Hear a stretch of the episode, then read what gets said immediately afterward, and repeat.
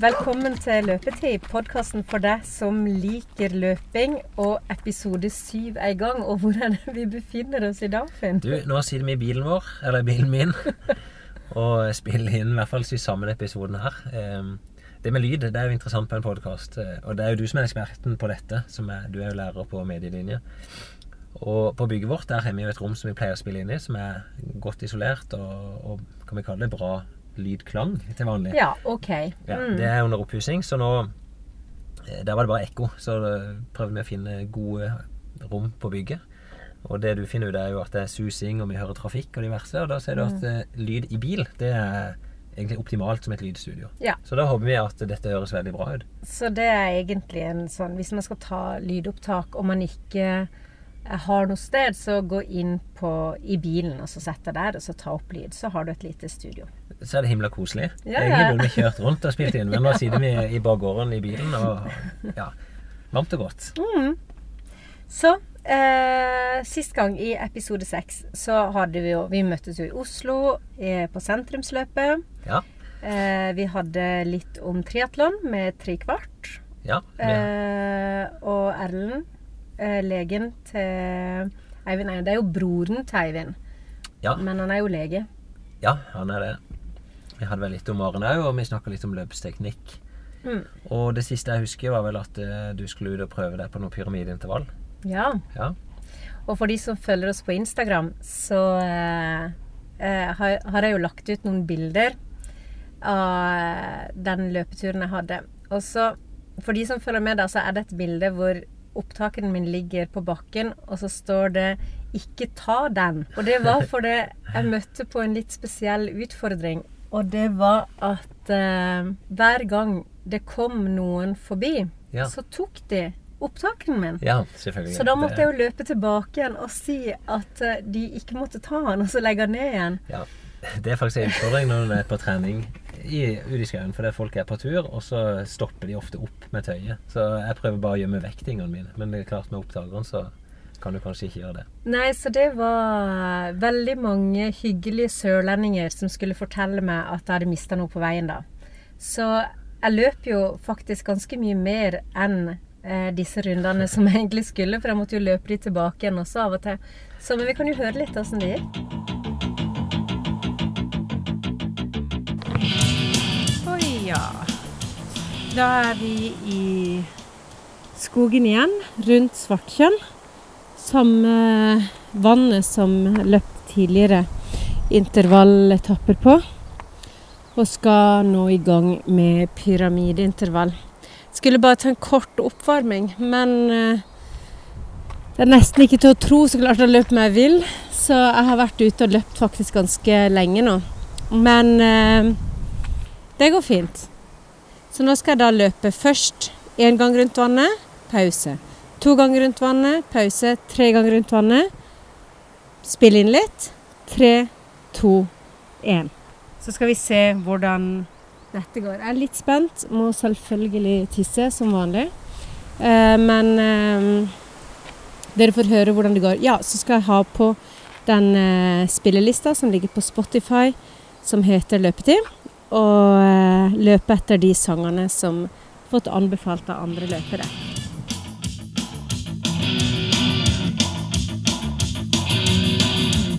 Første 1, 2, 3 er over. Det gikk ganske mye seinere enn det jeg hadde håpet. Jeg prøver å tenke positivt. Og ja, teknikk og disse greiene. Eh, takk for sangforslag.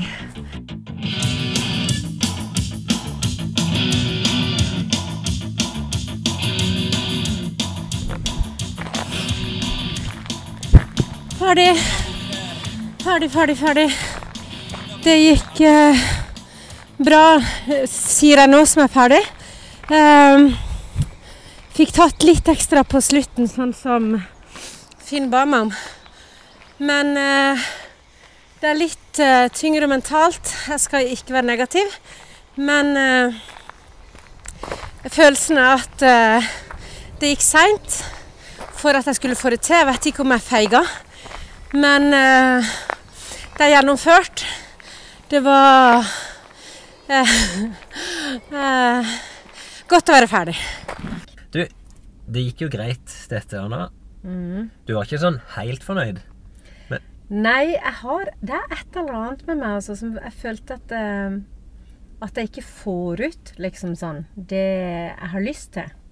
Nei, for det at du opplevde sjøl at det gikk litt seint. Ja. Og det er en følelse. Og det kan du faktisk ikke sjekke noe etterpå, for det at du har jo ingen klokke. Og, og det er nok egentlig den eneste grunnen til å si det kan være lurt når du trener å ha ei klokke.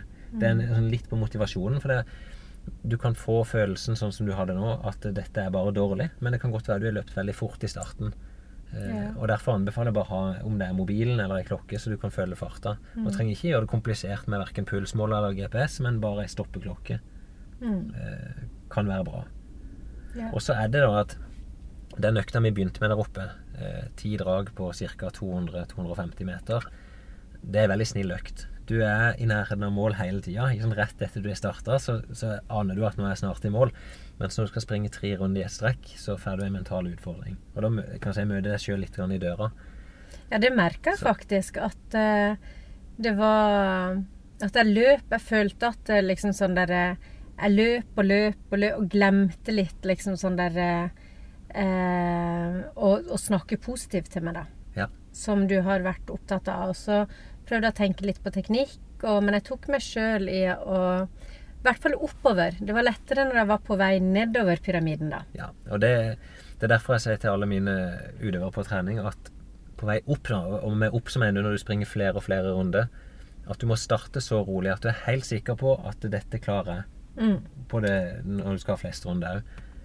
Og så får du den positive effekten når du kan øke farta, og det blir færre og færre runder. Så jeg Ja. liker den økta veldig fint, men hele forutsetningen er at du må begynne rolig nok. Og begynner Ja. du for hardt, så skal ikke du ødelagt økta, men du får en veldig tøff mental jobb å komme deg gjennom. Jeg begynte nok ikke for hardt, men jeg syns ett minutt pause var veldig lenge. Ja, du syns det? Ja, ja men det er da, godt å høre. Da ble jeg litt sånn der Så jeg tror jeg kanskje ikke tok akkurat ett Nei. minutt. Litt Også, kortere. jeg, jeg dro jo litt på det sist når jeg skulle fortelle deg om pausen. Normalt så pleier vi å begynne med 30 sekund pause på disse øktene. For Ja. det blir litt lenger å ha ett minutts pause etter et, et, et, et rolig ettminuttsdrag. Mm. Men det er ikke farlig, for det er ikke pausen som er det viktigste der. Men det som jeg er litt nysgjerrig på, du sa ingenting om det innslaget om, om denne hofta di. Om ting var vondt. Det er ikke vondt. Nei?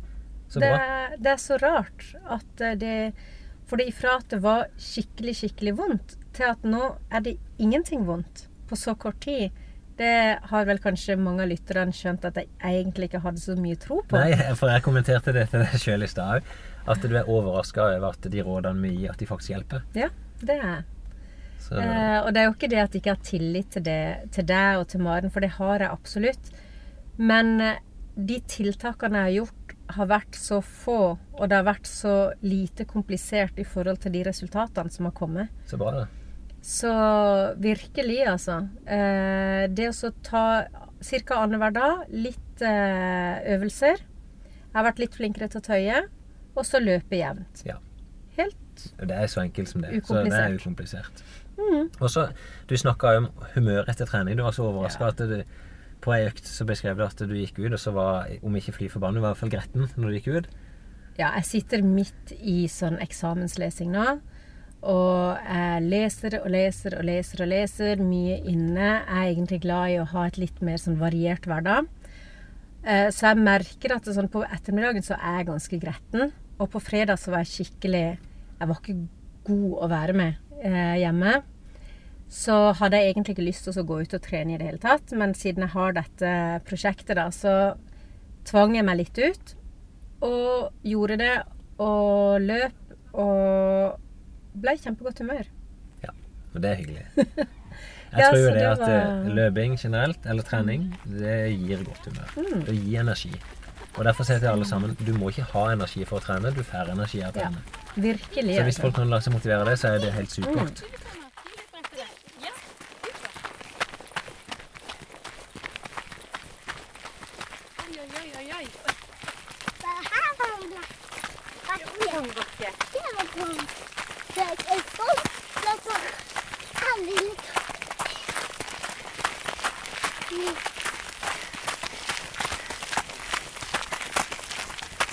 Oi, så sterkt. Ned, ned igjen.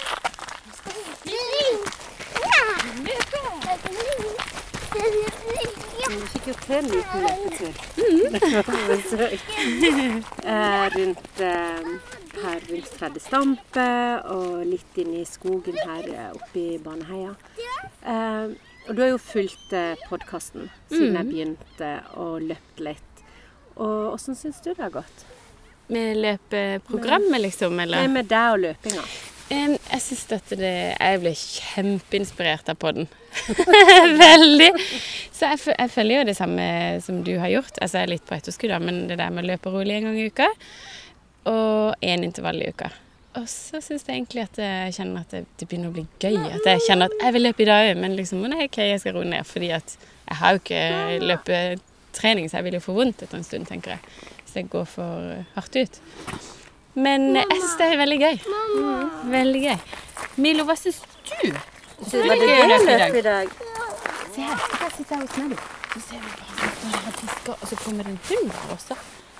Eh, men når du er ute og løper, sånn, hva, hva er det du tenker på? Du har jo full jobb, små barn. Du bor jo ganske landlig til i Sverige. Må pendle en time Ja. hver vei hver, Ja. hver dag du skal på jobb. Mm, ja, det er litt puslespill det der med tid, egen tid, altså trening og ja, i hverdagen. Men jeg pleier å på søndager å planlegge, og så skal jeg trene denne uka her. Eh, så løping er egentlig den eh, eh, beste formen for trening i forhold til tidsklemmer. Fordi det jo bare går rett ut. Eh, styrketrening, eh, som jeg også trener, det er litt mer eh, tidkrevende, fordi at jeg må også kjøre en halvtime for å komme til Eller halvtime, 20 minutter for å komme til treningssenteret. Så det er litt mer vinter. eh. Mens nå når det er lyst, så har jeg jo lyst til å hjem. Jeg har ikke lyst til å gå inn på treningssenter. Jeg har ikke lyst til å gå på treningssenter selv etter eh, Milo er lagt. Så da er det mer sånn løping jeg skjønner. Så da er det prøver jeg å gjøre én eller to styrketreninger og to løpetreninger. Så tenker jeg at det, det er helt super. Og i dag så gjorde du jo noe eh, Du ringte meg. Vi, når du er her i Kristiansand, så bor jo vi ganske nærme. Mm, Og vi har jo kjent hverandre alltid. Eh, alltid. og trent alltid.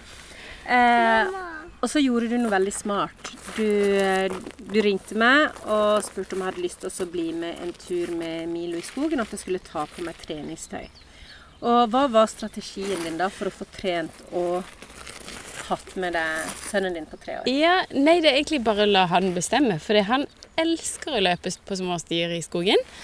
Eh, så det kjennes egentlig ut som vi har fått en god økt. Selv om vi ikke er blitt veldig andpusten, så har vi jo løpt litt, gått litt. Litt i oppoverbakke, litt i nedoverbakke, så det kjennes veldig ut som en sånn sunn og gøy. Noe som gir mer løpeglede da, for, for meg som ikke er veldig vant til å løpe. Eh, og så er det jo også det å få tid med sønnen min, og, og han syns det er gøy å bli fornøyd. Nå skal vi i konfirmasjon etterpå, og mye sitting og spising. Da er det perfekt. Trent tre og et halvt åringen litt. Ja, og han har jo ikke så mye tid til å sitte og prate, så vi må nesten komme oss videre og kaste litt stein i vannet. Ja. Men vi har jo et mål, Kari, om å løpe sommerløpet. ja, vi har jo det. Og jeg syns jo vi skal satse på ti. Fordi jeg tenker at eh, fem det er sikkert fornuftig, og ti det er litt kulere. Så det enda litt mer motiverende, syns jeg da. det kan jo være at jeg bare dummer meg fullstendig. Men da kan vi Det blir ta det spennende å følge med da. Ja. videre.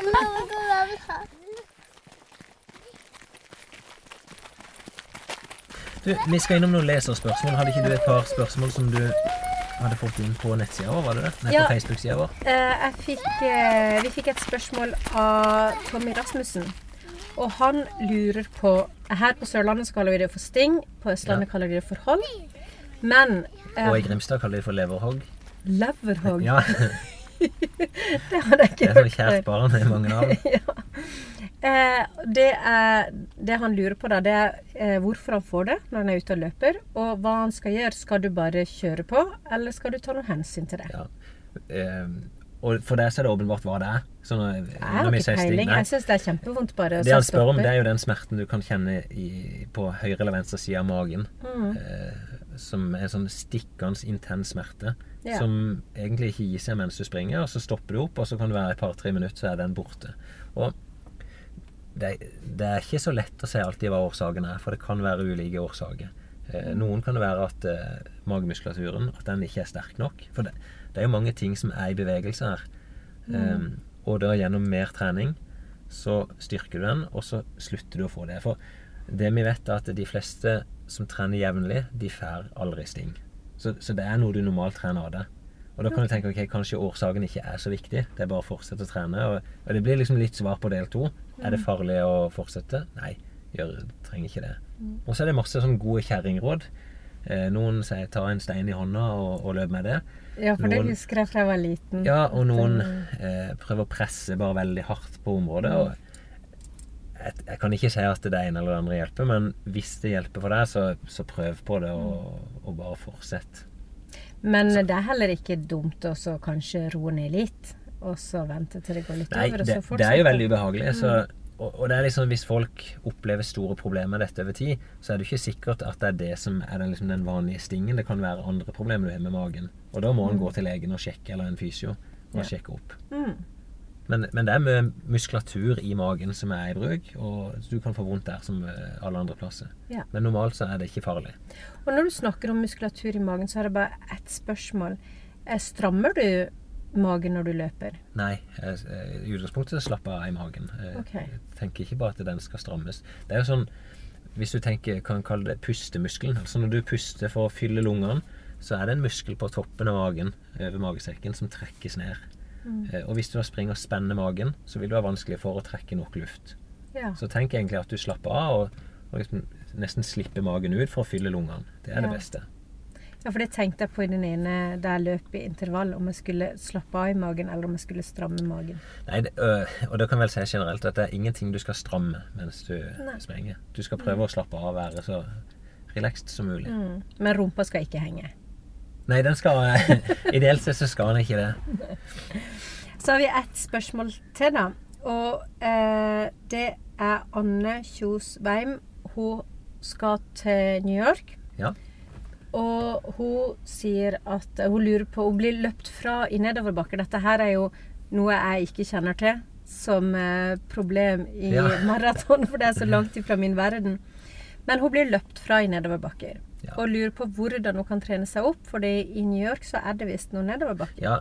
De fleste maratonløp så er de ganske flate traseer. Men den i New York er spesiell, for der skal du krysse noen bruer. Ja. Og da er det ganske mange høydemeter opp, som selvfølgelig er en utfordring.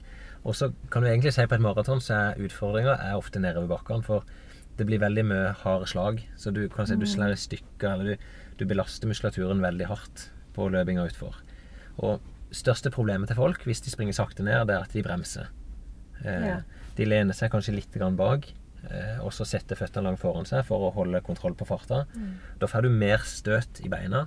Du får, det kan gjøre vondt, og så går det saktere. Så eh, det er egentlig litt sånn samme prinsipp som når du springer flatt, at du skal bare prøve å holde eh, overkroppen stabil, altså over tyngdepunktet ditt. Kanskje lene deg bitte, bitte grann fram, og så tenker i hvert fall jeg da eh, å opprettholde frekvensen, eller kanskje øke frekvensen.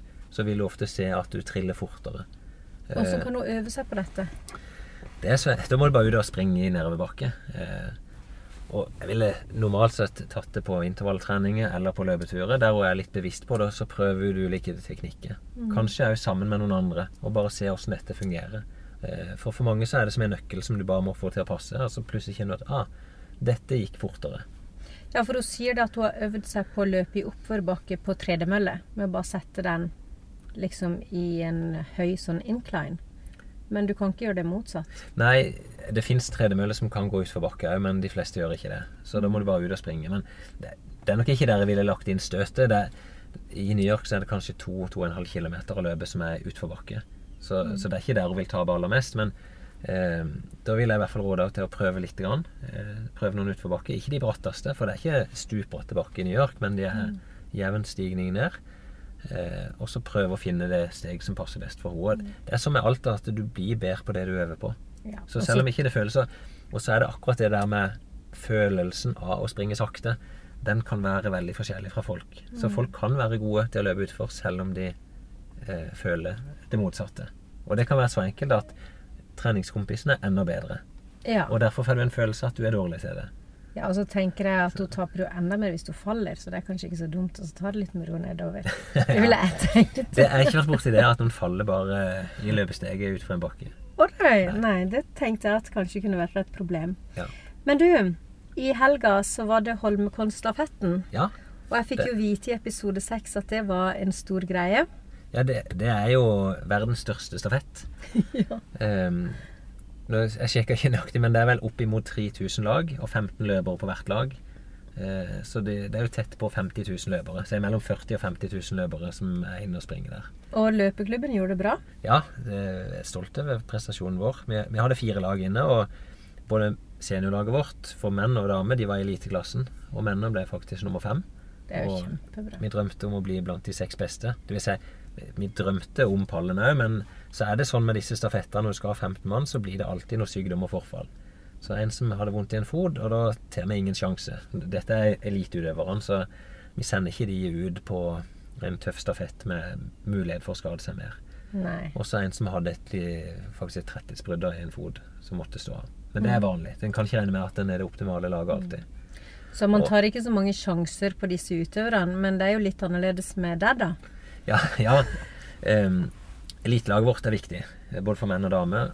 Og, og det er seriøst. ikke sant? Der er vi veldig nøye på hvem som springer hvilken etappe. og det, Vi vurderer både oppforbakke og nedforbakke og egenskapene til folk. Og, og litt sånn taktisk òg. Hvor ønsker du å være i feltet? Mens for de andre lagene så handler det jo litt mer om å få laget gjennom. Eh, og da er jeg i hvert fall ikke så nøye på meg sjøl. Jeg gir ofte andre råd til utøverne mine enn det jeg klarer å gjennomføre i praksis sjøl. Mm, for det, du har jo fått en eh, liten helseutfordring igjen. Det høres jo ut som en eh, ja, hypokonder nå etter hvert. Eh, Jeg var jo syk forrige uke og ble gående med noe Det er vel noe influensa, kjennes det ut som, med litt feber. Så jeg, jeg trente ikke fra tirsdag fram mot Holmenkollstafetten. Og håpte jo jeg skulle bli frisk. Eh, Og så er jeg jo da lagleder, så jeg må reise inn. Og hadde en avgjørende etappe på det andre laget. Og da hadde ikke jeg lyst til å begynne å rokere på det laget på løpsdagen. Så da gikk jeg litt sånn inn i konkurransemodus sjøl, og så bare gjennomførte det. Det var en 2,8 km som jeg pressa meg gjennom. Og det var, det var absolutt ikke lurt. Nei, det fikk noen konsekvenser, Ja. gjorde det ikke det? jeg fikk noen spørsmål etterpå om tror du dette ville gå. Eh, Og da sa jeg håp, jeg håper at jeg er i ferd med å bli frisk. Men det skjønte jeg jo utover natta og dagen etterpå at det gjorde jeg jo ikke. Så nå sitter jeg vel med noe bronkitt, og det blir nok noen dager til jeg kan trene igjen. Så Ja. nå er jeg ordentlig syk. Ja. Så det var ikke bra. Det, jeg, ja, det er ikke så lett å gi de samme rådene til seg sjøl alltid, som jeg som, eh, som jeg gir til utøverne. Og det var, Nei. det var òg andre utøvere som jeg ble holdt igjen hjemme fordi at de hadde samme symptomene som meg. Ja, for det er jo det jeg tenker på da vi begynte med dette her, og du var så nøye på å gi meg liksom beskjed om at man måtte liksom ta det med ro, man måtte høre på kroppen. Og du har jo sagt det til meg så mange ganger at kroppen tåler ikke mer enn det han tåler. Nei, det er, eh, det er jo akkurat det. Når du er, når du er syk, så sier vi nummer én Når du begynner å bli syk, ta alltid og stå av trening. Det er lurt. For du vet aldri hvordan sykdommen utvikler seg. Eh, og så hvis det er bare en lett forkjølelse, at det er litt rusk i halsen, eh, du er kanskje litt tung i hodet, så, så kan du prøve lett trening og se hvordan du reagerer. Hvis det er feber, eller at ting begynner å krype ned i brystet, så bør du ikke belaste deg. Da sier jeg stå av trening. Det lønner seg ikke. Kroppen klarer ikke å ta det til seg. det stor sjanse for at du blir mer syk. Og det fikk jeg prøvd ut i praksis nå. Ja. Så nå er jeg mer syk, og angrer selvfølgelig på at jeg tok den etappen. Og så var det gøy likevel, da. Så. Ikke gjør som Finn, men det blir gode resultater da, for det om. Eivind, vi fikk jo et veldig fint bilde av deg på Instagram, og av føttene dine da. Ja. Du har jo fått klippa neglene, endelig. ja. Og jeg skulle så veldig gjerne hatt bilde før, men det var det bare Finn som så. Kan du beskrive i detaljer, Finn, hva det var du så på det legekontoret? det vil jeg helst ikke gjøre. Nei. Jeg kan si de, eh, Vi la jo ut bilde av føttene, eller han la jo ut det bildet sjøl. Eh, og jeg trodde det var før bildet. Så jeg syns jo de ser ganske ille ut nå, Eivind. Men eh, du, du var veldig stolt av resultatet akkurat nå. Nei, eh, han hadde ikke klippet inn i hvert fall. Og det så ikke ut som det var noen menneskehender som hadde berørt det området på ganske lang, lang tid. Mm. Ehm, Um, Uff da. og jeg er jo gammel forsvarsmann, og der faktisk en av jobbene mine var å inspisere føttene til soldatene. Det er sånn du gjør på øvelser. For eh, selv de små tingene der, det kan sette en mann ut. Og for en løper, da, så eh, Hvis ikke du klipper neglene og, og springer, så kan det fort bli sånn Det blir trykk mot negler. Så får du Uten at du kjenner det så veldig med mens du trener, så kan du da få blå negl, og som gjør at ikke du kan trene etterpå. Og det kan gjøre veldig, veldig vondt. Ja, så det er faktisk det er, det er ikke tull, dette her, med å Nei. ta opp det med neglene. Det er, en, det er viktig å Ja, passe på at de er korte nok. Jeg vet ikke om det er sånn skambelagt, dette, men eh, det med fotsopp og neglesopp Du har nok noe eh, symptomer innenfor det. bekjenne, bekjenne det. Mm. Og det som er synd, er at det, eh, det er så lett å bli kvitt. En fotsopp så er det bare en krem du kjøper på apoteket som du smører på, så er det borte i løpet av et par uker. Og neglesoppen òg. Eh, det er liksom rykte om at dette er forferdelig vanskelig å bli kvitt, men da går du til fastlegen, og så får du skrevet ut en, eh, en tablett egentlig som du skal ta i et par uker. Og så forsvinner dette av seg sjøl. Mm. Og så får du flotte nye negler. Nå kan han gå barbeint med å være stolt av det. Ja, for jeg har jo litt av det motsatte problemet. At jeg er litt opptatt av at neglene mine skal se fine ut i sandaler. Ja, Så jeg skal jo ha de lakka og passe på de, og de skal helst ikke være så korte. For da ser det ikke så fint ut i sandaler. stemmer. Så jeg kjenner det jo litt i joggeskoene også, men jeg tror det- det får bare være sånn hos meg. Nei, hvis du først snakker om negleklipp, så er det noen løpere, eller noen folk da, de klipper stortånegler litt for mye inn mot kanten. Liksom de, de er he- altfor kort. Mm. Og da, når du da springer og får press i skoen, så er det lett å få neglerotsbetennelse. Ja, Og sånn inngrodd negl og Ja. sånn. Det er vondt. Veldig vondt. Eh, veldig ubehagelig å gå med. Så, så liksom, klipp de heller litt ofte. Eh, hold de ok, men ikke klipp de for kort, og ikke la de bli for lange. Det er et veldig enkelt triks, sa Eivind. Mm. Ja, det, det er ikke noe unnskyldning. Jeg er helt enig, Finn. Og, og jeg har vel litt eh, neglesopp òg, kan vi si. Eh, sånn på et par av neglene.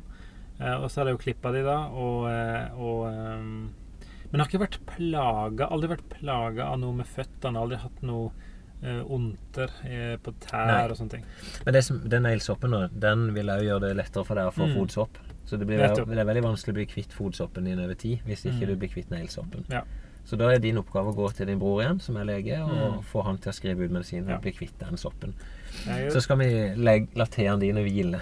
Så jeg går. Men jeg, så tror jeg, altså Skulle jeg lagt ut førbildet som Anna Margrethe eh, etterlyste, så tror jeg vi hadde mista ganske mange lyttere. det er sant. Du, du har jo vært i gang noen uker nå, og målet har jo vært å få deg til å bli glad i å trene. Mm. Og de som følger oss veldig tett, de har sett du har lagt ut noen bilder sammen med kona di. Ja. Eh, Du har skrevet om fartsleg og Mm. jeg treffer deg på jobb hver dag. Mm. Eh, Kan ikke du beskrive ditt forhold til trening nå de siste to-tre ukene? Mm. Nei, det, det For meg så har det handla veldig mye om, som Finn har vært inne på tidligere, å rett og slett eh, senke terskelen eh, min. Altså at ikke det blir sånn knallhardt, så jeg orker kanskje én økt i uka, framfor eh, eh, annenhver dag lettere et sånn halvtimes økt. Eh, og da løper jeg jo rundt Søm, og det er ca. 4,5 km, eller 4,2. Eh, og da løper jeg med kona mi, som finnes i, og, eh, og det er veldig fint. Fordi jeg jo, altså hun er nok kanskje ikke like rask sånn sett sånn, som meg, så da justerer jeg meg fint etter henne. Eh, Selv om hun faktisk slo meg i siste drag nå, Oh, ja. da ga hun skikkelig gass opp eh, en av bakkene der på Søm. Så det er veldig gøy å, eh, å trene sammen med henne, og, og, det blir en mer enn Det blir rett og slett det blir gøyere, altså. Det blir mer lyst, lystbetont. Ja, jeg syns jo det er kjempegøy å høre. Mm. Um, og så er det jo akkurat Det er jo ikke det som er mest effektivt, Mm. men det viktigste nå er vært å få deg til å bli glad i løping og Mm. glad i å trene. Mm. Liksom Få det inn i rutiner. Der jeg oppfatter at du er, du Mm. er faktisk der nå. Mm. Ja, da. Um, og du er, vi er ikke fokusert veldig på liksom konkrete programmer som du skal gjennomføre, men du har gjort litt av det som vi kaller fartslegg. Mm. Eh, Hvordan legger du opp de turene der? Altså da rundt Søm så eh, løper vi jo i ganske greit tempo, og så, eh, så stopper vi opp og går kanskje ti meter eller noen, og så klinker vi til med en intervall. Så totalt rundt Søm så har vi fire intervaller. Eh, og så løper vi eh, sånn eh, forholdsvis greit imellom. Mm. Ja, det var veldig diffust, det du sier. Fire Mm. intervaller. Mm. Hvor lenge, liksom? og- Ja, så da, da løper vi Hver intervall da, som vi løper, er kanskje på eh, ja, ett minutt, tenker jeg. Ja, så fire ganger ett ja, minutt. Fire ganger ett minutt, riktig. Ja, det er ikke de store dosene da. Nei, da og det er bra. Mm, For, eh, det, for meg så ser det ut som du er kanskje blitt noe lettere litt slankere òg. mm. Er, Ja. er det jo tatt noen grep der? Ja, så, så er det jo eh, Jeg vil si det største grepet har jo vært egentlig å trene oftere. Ja. Le- mindre og oftere framfor én gang i uka, kanskje ingen gang i uka. Ja. Eh, it, så jeg har eh, sist, på sist måling da, så har det kanskje gått ned et par kilo, faktisk. Ja. Eh, Så bra. Ja. Og nå var ikke dette et prosjekt rundt Neida. vekta di, men du Mm. veide vel 84,5 om vi testa det, og så Mm. satt du vel og tenkte at når du skal springe maraton, så har du lyst til å veie under 80 Mm, kilo. Mm, Og, og da er det en sånn heldig konsekvens da, av treninga. Det er supert. mm. Det som er Det er jo et maraton som kommer i New York i november, og vi, vi skal begynne nå å tenke litt mer konkret. For vi sa det at Eivind skal springe først en 10 km, Mm. og vi arrangerer det her i Kristiansand 10. juni. Så en liten måned til så skal du springe 10 km på Kristiansand stadion. Mm. Og det er jo første gang du skal ha nummer på brystet. Det er riktig. Er det nesten første gang du setter fot på en eh, tartanbane? Ja. Ja. Det, det, det, ja, det vil jeg si. For det tenkte jeg at eh, første økta vi skal gjøre, da skal vi gå ned på banen og så bare bli vant til å løpe på banen. Det, det er et sånn mentalt spill, det å springe på banen. mm. Og kanskje skrekken for mange. Og det som er litt gøy da i, i vinter med løpeklubben, så vi har hatt en del økter på kvelden i flomlys nede på Kristiansand stadion. Og tilbakemelding og responsen er at dette er jo kjempegøy. Ja. Eh, Så det hadde vært litt gøy. Jeg vil også hatt deg med ned, og så gjennomføre ei økt som kanskje kan gi deg opplevelsen at det er helt OK Mm. å springe på Kristiansand stadion. Så jeg tenkte til mandag så gjør vi det. Til meg der, og så skal vi springe noen 400 meter. Mm, Det er jo så gøy. fire meter som er ei runde rundt banen. Mm, ja. Men da blir jeg med og tar opptak og følger med dere. mm, Ja, så bra. så bra. Lykke til videre, Eivind. Ja, Ser du fram til å springe den 10 kilometeren? Ja, eh, ja, den 10 kilometeren er jo eh, Jeg er spent. Mm. Jeg er Ja. spent på formen, egentlig. Ja. Tenker du Mm. at den er bedre enn den var før, eller? Altså, Jeg følte jo at jeg overpresterte på, på målingene vi hadde hos Ja. deg, Finn. Så eh, ja, spent. Ja. Men sånn for eh, meg som ikke har peiling på dette her, hvor mange ganger man løper rundt for å komme til 10 km? 25 runder. Oi! Ja, det er motiverende å, å dra den foran. Mm. Men, men det er faktisk litt av utfordringa å springe en 10 000 meter på bane. For det er, du ser jo det samme hele tida. Og det er lett å begynne å fokusere på de negative tingene, sånn som du gjorde nå.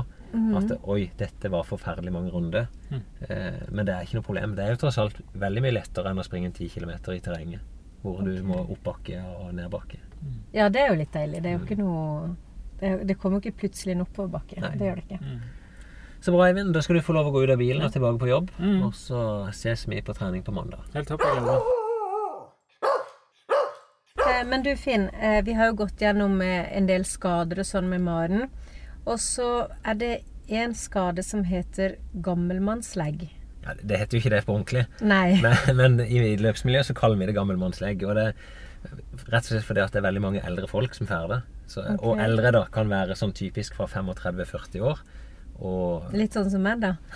du er i hvert fall i risikosona. Men ofte tidligere løpere, altså folk som, er, som har et veldig bra, sterkt løpesett, de begynner å skal trene seg opp, typisk på våren.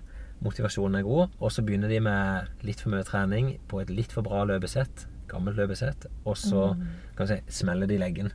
Og det ser du ofte. Skiløpere kan ha de samme utfordringa, for da er de gått veldig med på ski, og så blir den overgangen til løping litt for stor. Og der har vi jo snakka med Maren, så jeg tenker hun kan få lov å forklare litt mer om den. For det er en vanlig skade, og det er en ganske lei skade som kan sette deg ut over lang tid. Din favorittskade, Maren, det er kne. Men min favorittskade, det er gammelmannslegg. Ja, Og det er fordi at jeg har hatt det masse, eller mange ganger. ja. Og- Du er jo en gammel mann har blitt. Ja, jeg er jo blitt over 40 år, og det har jeg sett at mange som blir kanskje fra de er 30-35 år, Ja. så kan sånne tilstander i leggen dukke opp. Ja. Eh, Jeg kan prøve å beskrive det, så kan du forklare hva det egentlig som skjer. Hvis Ja. du vet det, altså. Ja. Eh, eh, typisk ute og springe, og så kjenner en at det Jeg vil kalle det som murring i leggen. At det, du kjenner at det er noe der, men det gjør ikke vondt. Og så plutselig så hogger det til. Det kjennes egentlig ut som en eh, Nesten som om noen setter en kniv rett inn i leggen. Midt inn i tjukkleggen. Eh, og så kan jeg tenke at dette må være en strekk. Eh, det er ikke en krampe, kjennes det ut som, for jeg kan ikke gå inn og så liksom bare stoppe og massere det opp, og så er det borte. Men det gjør jeg vil si, dødelig vondt inn i leggen. Og så blir det bare der. Altså dag etter dag etter dag. Jeg prøver å kanskje sykle, og så skal jeg løpe igjen, men så er det der. Da kaller jeg det i hvert fall gammelmannslegg. Jeg vet, vet du hva dette er? Ja, det, det er jo ikke alt vi kan si 100 sikkert hva alt er, men jeg vil Det jeg tror at gammelmannslegg er, det er Kaller du det gammelmannslegg sjøl? Ja, jeg kaller det gammelmannslegg hvis det er hos en løper. Ja, ok. Og hvis, øh, hvis det er hos en tennisspiller, så kan jeg kalle det tennislegg, for det er også et begrep som brukes Ah, som Får samme tennisspillerne det samme? Ja, de kan få samme type eh, Ja. greie. Og det som eh, vi tenker at det er da, er at det er en liten strekk i muskelvevet. Du grunn har, Ja. Om du har fått det for en stund siden, eller om du får det akutt der og da. Og så eh, den, Det trenger ikke være så stor at vi hadde sett det på et bilde, eller noe heller, men en sånn det vi kaller en mikroruptur. Ja, Det kjennes ikke sånn ut. Det kjennes ut som en megaruptur. som- Ja, og noen ja. ganger kan det òg være det. Ja. Det kan òg være store, større rupturer. Og så ser vi når, når man har fått en sånn ruptur en gang, så er det ofte at det, de symptomene kommer tilbake og kommer tilbake og kommer tilbake. Det er veldig rart, for det at eh, en kan være helt frisk igjen, mm. og så plutselig så er det der. Ja. Nesten uten forvarsel. ja. Og da er spørsmålet om det er litt arrvev f.eks. fra den strekken. At det, det har blitt litt annen type vev som, eh, som er litt stivere og litt mer rigid. Kanskje ikke tåler det samme spenst og, og strekk som før. Eller om kanskje muskulaturen har blitt litt svakere i det området der du hadde en strekk, sånn at du er i større risiko for at det skjer Jeg, håper, ja, jeg håper det det siste, da, for det, det gir jo et visst håp. Det Mhm. første var jo ikke så mye hobby, hvis det bare er Nei, arrvev nei, og gammel men- mann. Uh, arvev kan jo endre seg, eller Ja, ok, det kan det. Ja. Men uh, ok, en har fått en sånn type skade. Det jeg har gjort, det, er- det er jo helt umulig å springe. ja. Uh, hva gjør en for noe? Det er jo helt umulig å springe, sa du, så da må, sier det seg sjøl at du ikke kan gjøre det. Absolutt. Du har jo da Jeg- gått over til sykkel, ikke sant? som jeg syns høres fornuftig ut. Det for eksempel så har jeg sykla, jeg prøvde å gå på rulleski, men det kan jo være vondt, for det der sparker en ofte fra. Ja, Ja. Og det mange, det mange føler, er at eh, det blir som en sånn klo inni leggen. ikke sant? Som bare Hele muskelen eh, er som en klump Ja, som ikke det- slipper taket. Og det er kanskje en, en, eh, en form for krampe i muskulaturen, at den står i spenn, at den ikke vil slippe. Så det å drive med annen type aktivitet da, som skaper blodsirkulasjon og, og bevegelse i vevet, det tror jeg er lurt. Ja, så, så det er ikke lurt å bare vente. Nei, jeg tror Nei, det er lurt det- å holde litt i gang. Det er litt sånn erfaringer fra folk som venter òg. De sier at eh, nå tror jeg det er borte, og så til de første løpeturen, og så bam, så er det der med en gang uansett. Ja. Men hva med tøying, f.eks.? Sånn logisk sett så vil en tenke at dette må tøyes ut eller masseres Ja. opp. Ja, det jeg hadde ville gjort eh, da Du kan gjerne eh, gå til massasje og få løst litt opp i det og sånn, men i forhold til tøyning eh, så hadde jeg ville tenkt at å, s- trene styrketrening på lang muskel, sånn at du på en måte tøyer samtidig som du trener styrke. Ja, ok. Ja, jeg skjønner, men jeg tror du forklare litt. i leggen da, så betyr det at, uh, at du tar tåhev ikke fra bakken, men at du tar tåhev fra trinn, f.eks. Så sånn at du må, ja, Ja. i en trapp, sånn at du slipper hælen utafor trinnet. Da får du en strekk i muskelen når du går ned. ikke sant? Ja. Og så må du uh, bruke muskelen i hele banen, helt fra nedre del og opp i tåheven. Ja, så du, så du, du, trener på hele muskelens lengde. ja, men det vil si at du begynner på toppen, og så slipper du deg rolig ned, og Ja. så løfter du deg rolig opp igjen. Ja. Bare så enkelt som det. Ja. Ja. Og da tror du at Vil det skaden forsvinne, eller er dette forebyggende mot den type skade? Jeg tror skade? begge delene. Ja, Så dette kan du gjøre mens du er skada. Det blir Mm. ikke verre av det. Nei, og her kan du gjøre uh, bare moderere mm, hvor tungt det er. ikke sant? At du kan begynne på begge bein. Du kan ta litt vekt på det beinet hvis det er vondt i starten. Bare begynne å pumpe muskelen med Ja. litt eh, lettere vekt. Og så kjører du på to bein, og så kjører du på ett bein. Og så kan du òg ta med en sekk på ryggen med vekta i, f.eks. Ja. For å gjøre det tyngre. Og det er litt av nøkkelen, at du må gjøre det tyngre og tyngre og tyngre for at eh, det skal skje noe. Men er det sånn Jeg har jo fått det, jeg vet ikke hvor mange ganger jeg har fått det. Fire-fem ganger kanskje. Jeg har vært typisk skada fra én til tre måneder. Ja. Men hvis jeg gjør dette, tr- tenker du da kan jeg være kvitt det problemet for godt? Da tenker jeg at sjansen er større for det, ja. Sjansen Ja. er større for at leggene dine tåler mer av det banken det får under Ja. maratontreninga di. For da er vi jo inne. Du, om tøying opp imot styrke. Og det er jo tøying Det er mange som spør meg om det. eh, Bør en tøye? Tøyer du dette økta? Um, jeg kan spørre hva du syns om det. Jeg tenker at uh, tøyning Det spørs litt hva man Hva tenker du at du vil ha ut av tøyninga? Nei, jeg vil ikke det. Jeg tøyer ikke. Nesten, Nei, for det er jo mange som, som tenker f.eks. at man skal tøye for at man ikke skal bli støl. Nei, Det, det, det har ingen effekt. nei. Og ingen jeg vet ikke hvor det, den myten kommer fra engang. Men det er liksom det en alltid har hørt. At Ja. eh, og eh, du glemte å tøye ut, og så Ja. blir du støl og stiv i morgen. Det stemmer Ja. ikke. Det stemmer ikke. Nei, Du blir støl og stiv fordi du gjør en aktivitet som ikke du har gjort på lenge, eller som var litt tyngre enn du er vant til. Ja. Ja. Og tøyning vil ikke endre noen ting på det. Og så er jo tøyning eh, for, å, for å bedre et bevegelsesutslag. Ja. Og det, det skal ganske mye til for å tøye opp et, en bevegelse, et bevegelsesutslag òg, med ren tøying. Og det, men samtidig så tenker jeg at det er viktig for en løper òg å ha f.eks. god bevegelighet eh, rundt hofta si. ja. Eh, og på, og, men på den, for å få det, så er jeg mer fan av å eh, aktive bevegelighetsøvelser. ja. Det vi kan kalle drilløvelse, i hvert fall Ja. oss løpere gjør det. Ja. Jeg tror man får bedre effekt av det. Nærmere sånne spark bak og jentehopp, og der Ja. du får store utslag. Ja. Store utslag og inn og ut av bevegelsen. og Ja, Dynamisk tøyning ja, på et vis. da. Dynamisk ja. tøyning. Og også hvis man tenker styrkeøvelser, der man på en måte strekker én vei og styrker muskulaturen på motsatt side. Og, ja, Men tradisjonell tøying der du stender f.eks. og holder ett minutt, ja, bare glem det. Jeg, hadde ikke villet ha brukt så mye tid på det, nei. Nei, og, det kan jeg si, det er veldig få løpere som gjør det. Det Ja. finnes noen unntak, men de aller fleste de vil kanskje si at de strekker litt Ja. etter ei økt. Og det er noen som Liksom- syns at det føles litt behagelig òg, ikke sant? Å å Ja. strekke litt grann etterpå. Da må man jo gjerne gjøre det hvis det føles behagelig ut. Men det er ikke noe jeg ville ha brukt mye tid på nei. i forhold til å øke prestasjon heller. Og jeg pleier å si til mine elever at du må gjerne tøye. Eh, Mm. Du blir ikke noe bedre til å løpe av det sånn i utgangspunktet. Det kan være at du kan forhindre noen skade Ja. hvis du er spesielt stram noen plasser. ja. Og ellers er det bare å legge det vekk. da det til vær litt smart på hvordan du gjør det. Ja, så bra. Eh, vi er jo inne i ei tid nå. Mai i Norge består jo av mye konfirmasjoner, fridager, langhelger. Det er jo perfekt. Det er jo liksom det, det er jo ikke én vanlig uke, føles det. Eh, men eh, så tenker jeg litt på Det er jo av og til litt vanskelig å kombinere alle disse festlighetene med trening. I hvert fall for noen av oss. Ja. Jeg kikker litt spørrende på det akkurat der. For, for mai, for mange, så er jo det en fridag betyr jo at okay, det er lettere å få trent. Ja, men hvis du da skal reise liksom sånn med familien til et annet sted i landet og ha disse her eh, konfirmasjonene og sånn, da. Eh, hvor, det jeg lurer litt på, det er hvor lang treningspause er såpass lang at du må begynne å trene deg opp igjen? At ikke du kan liksom Ja. fortsette der hvor du var? Og det, det finnes jo ikke noe eksakt svar. Um, hvis en skal ta det litt sånn generelt, da, og si hvis du er blitt syk eller må stå over noen dager, så pleier jeg å si at veldig sånn enkelt Du trenger en dag eh, opptrening på like lenge som du har vært uten trening.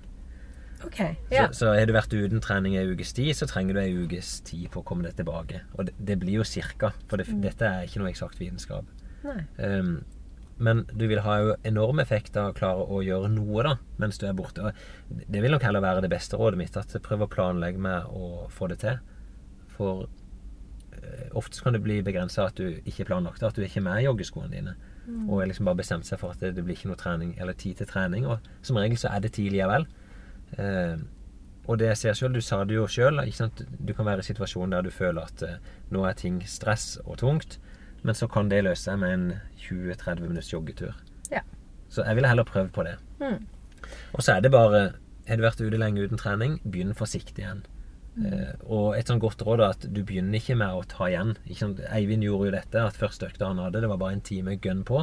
Og så går det da en ny uke før han orker å trene fordi at det blir for tøft. Ja. Så det, bruk noen dager på å trene deg opp igjen, og så, så vil du ofte få responsen sjøl. Mm. Og så en annen ting jeg lurer på. Det er i forhold til, til mat og trening. Når man har Ja. spist, hvor lang tid skal man vente fra man har spist til man, skal, man kan trene løpet? Nei, du, du kan spise og så gå rett ut og løpe. Det finnes noen litt sånn gode råd på det. At eh, kanskje to til tre timer før, og så kan si, Hvis du skal ha en behagelig løpsopplevelse, så spis litt lett mat. For meg så kan det være brødmat eller noe lett pasta. Noe sånt.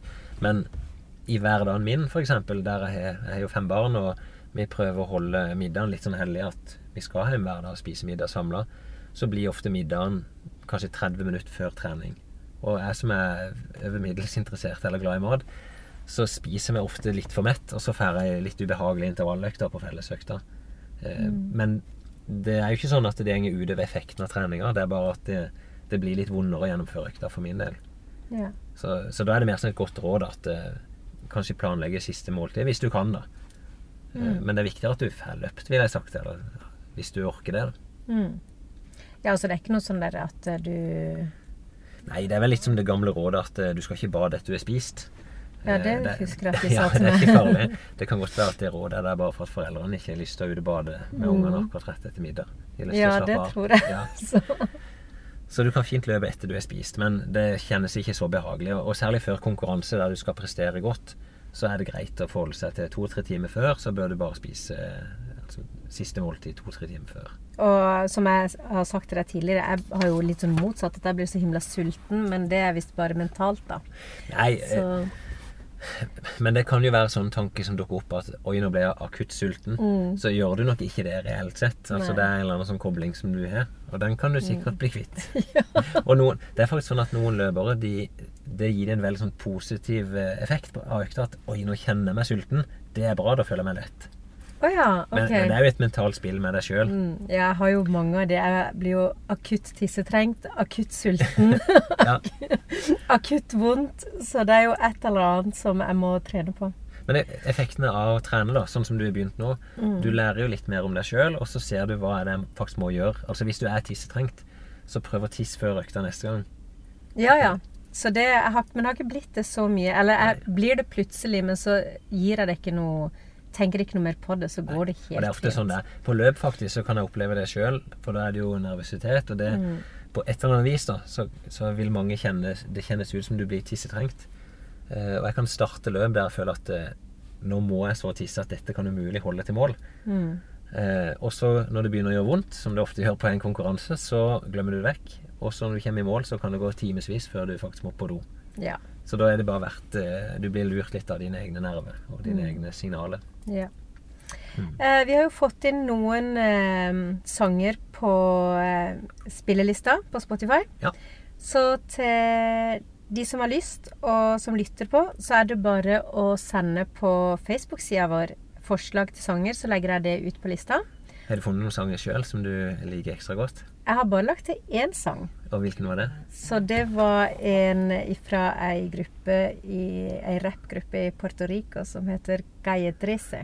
Så den er litt sånn Det går litt fort, da. Så den er Ja. god å løpe til. Jeg har skjønt at eh, latinomusikk det er på vei inn. Ja, ja, ja. ja. Så du skal se at du også begynner å løpe til det. Eh, så den eh, spillelista heter Løpetid, og går an er åpen for alle. Så Ja. alle kan laste den ned, og så følge med og løpe til den. Så det er gøy. Og så må vi nevne nå at eh, selv om du sa at eh, våren og mai er full av fridager og vanskelig for å trene, det er en fantastisk eh, periode å trene i. Det er, Ja. det er nå det egentlig ligger foran. Skogen åpnes opp, det begynner å bli tørt, og du hører fuglene synge. Så hvis du har muligheten, ta og hør på disse podkastene mens du er ute og springer. Jeg syns det er er faktisk er det beste ja. sjøl. Det, er- Mm. det er da du klarer å få mest fokus på, Ja. på det du hører. Mm, og det er veldig, veldig fint eh, i skogen. Det er, og utrolig mange folk som er ute og løper. Jeg har jo begynt å legge merke til det også nå.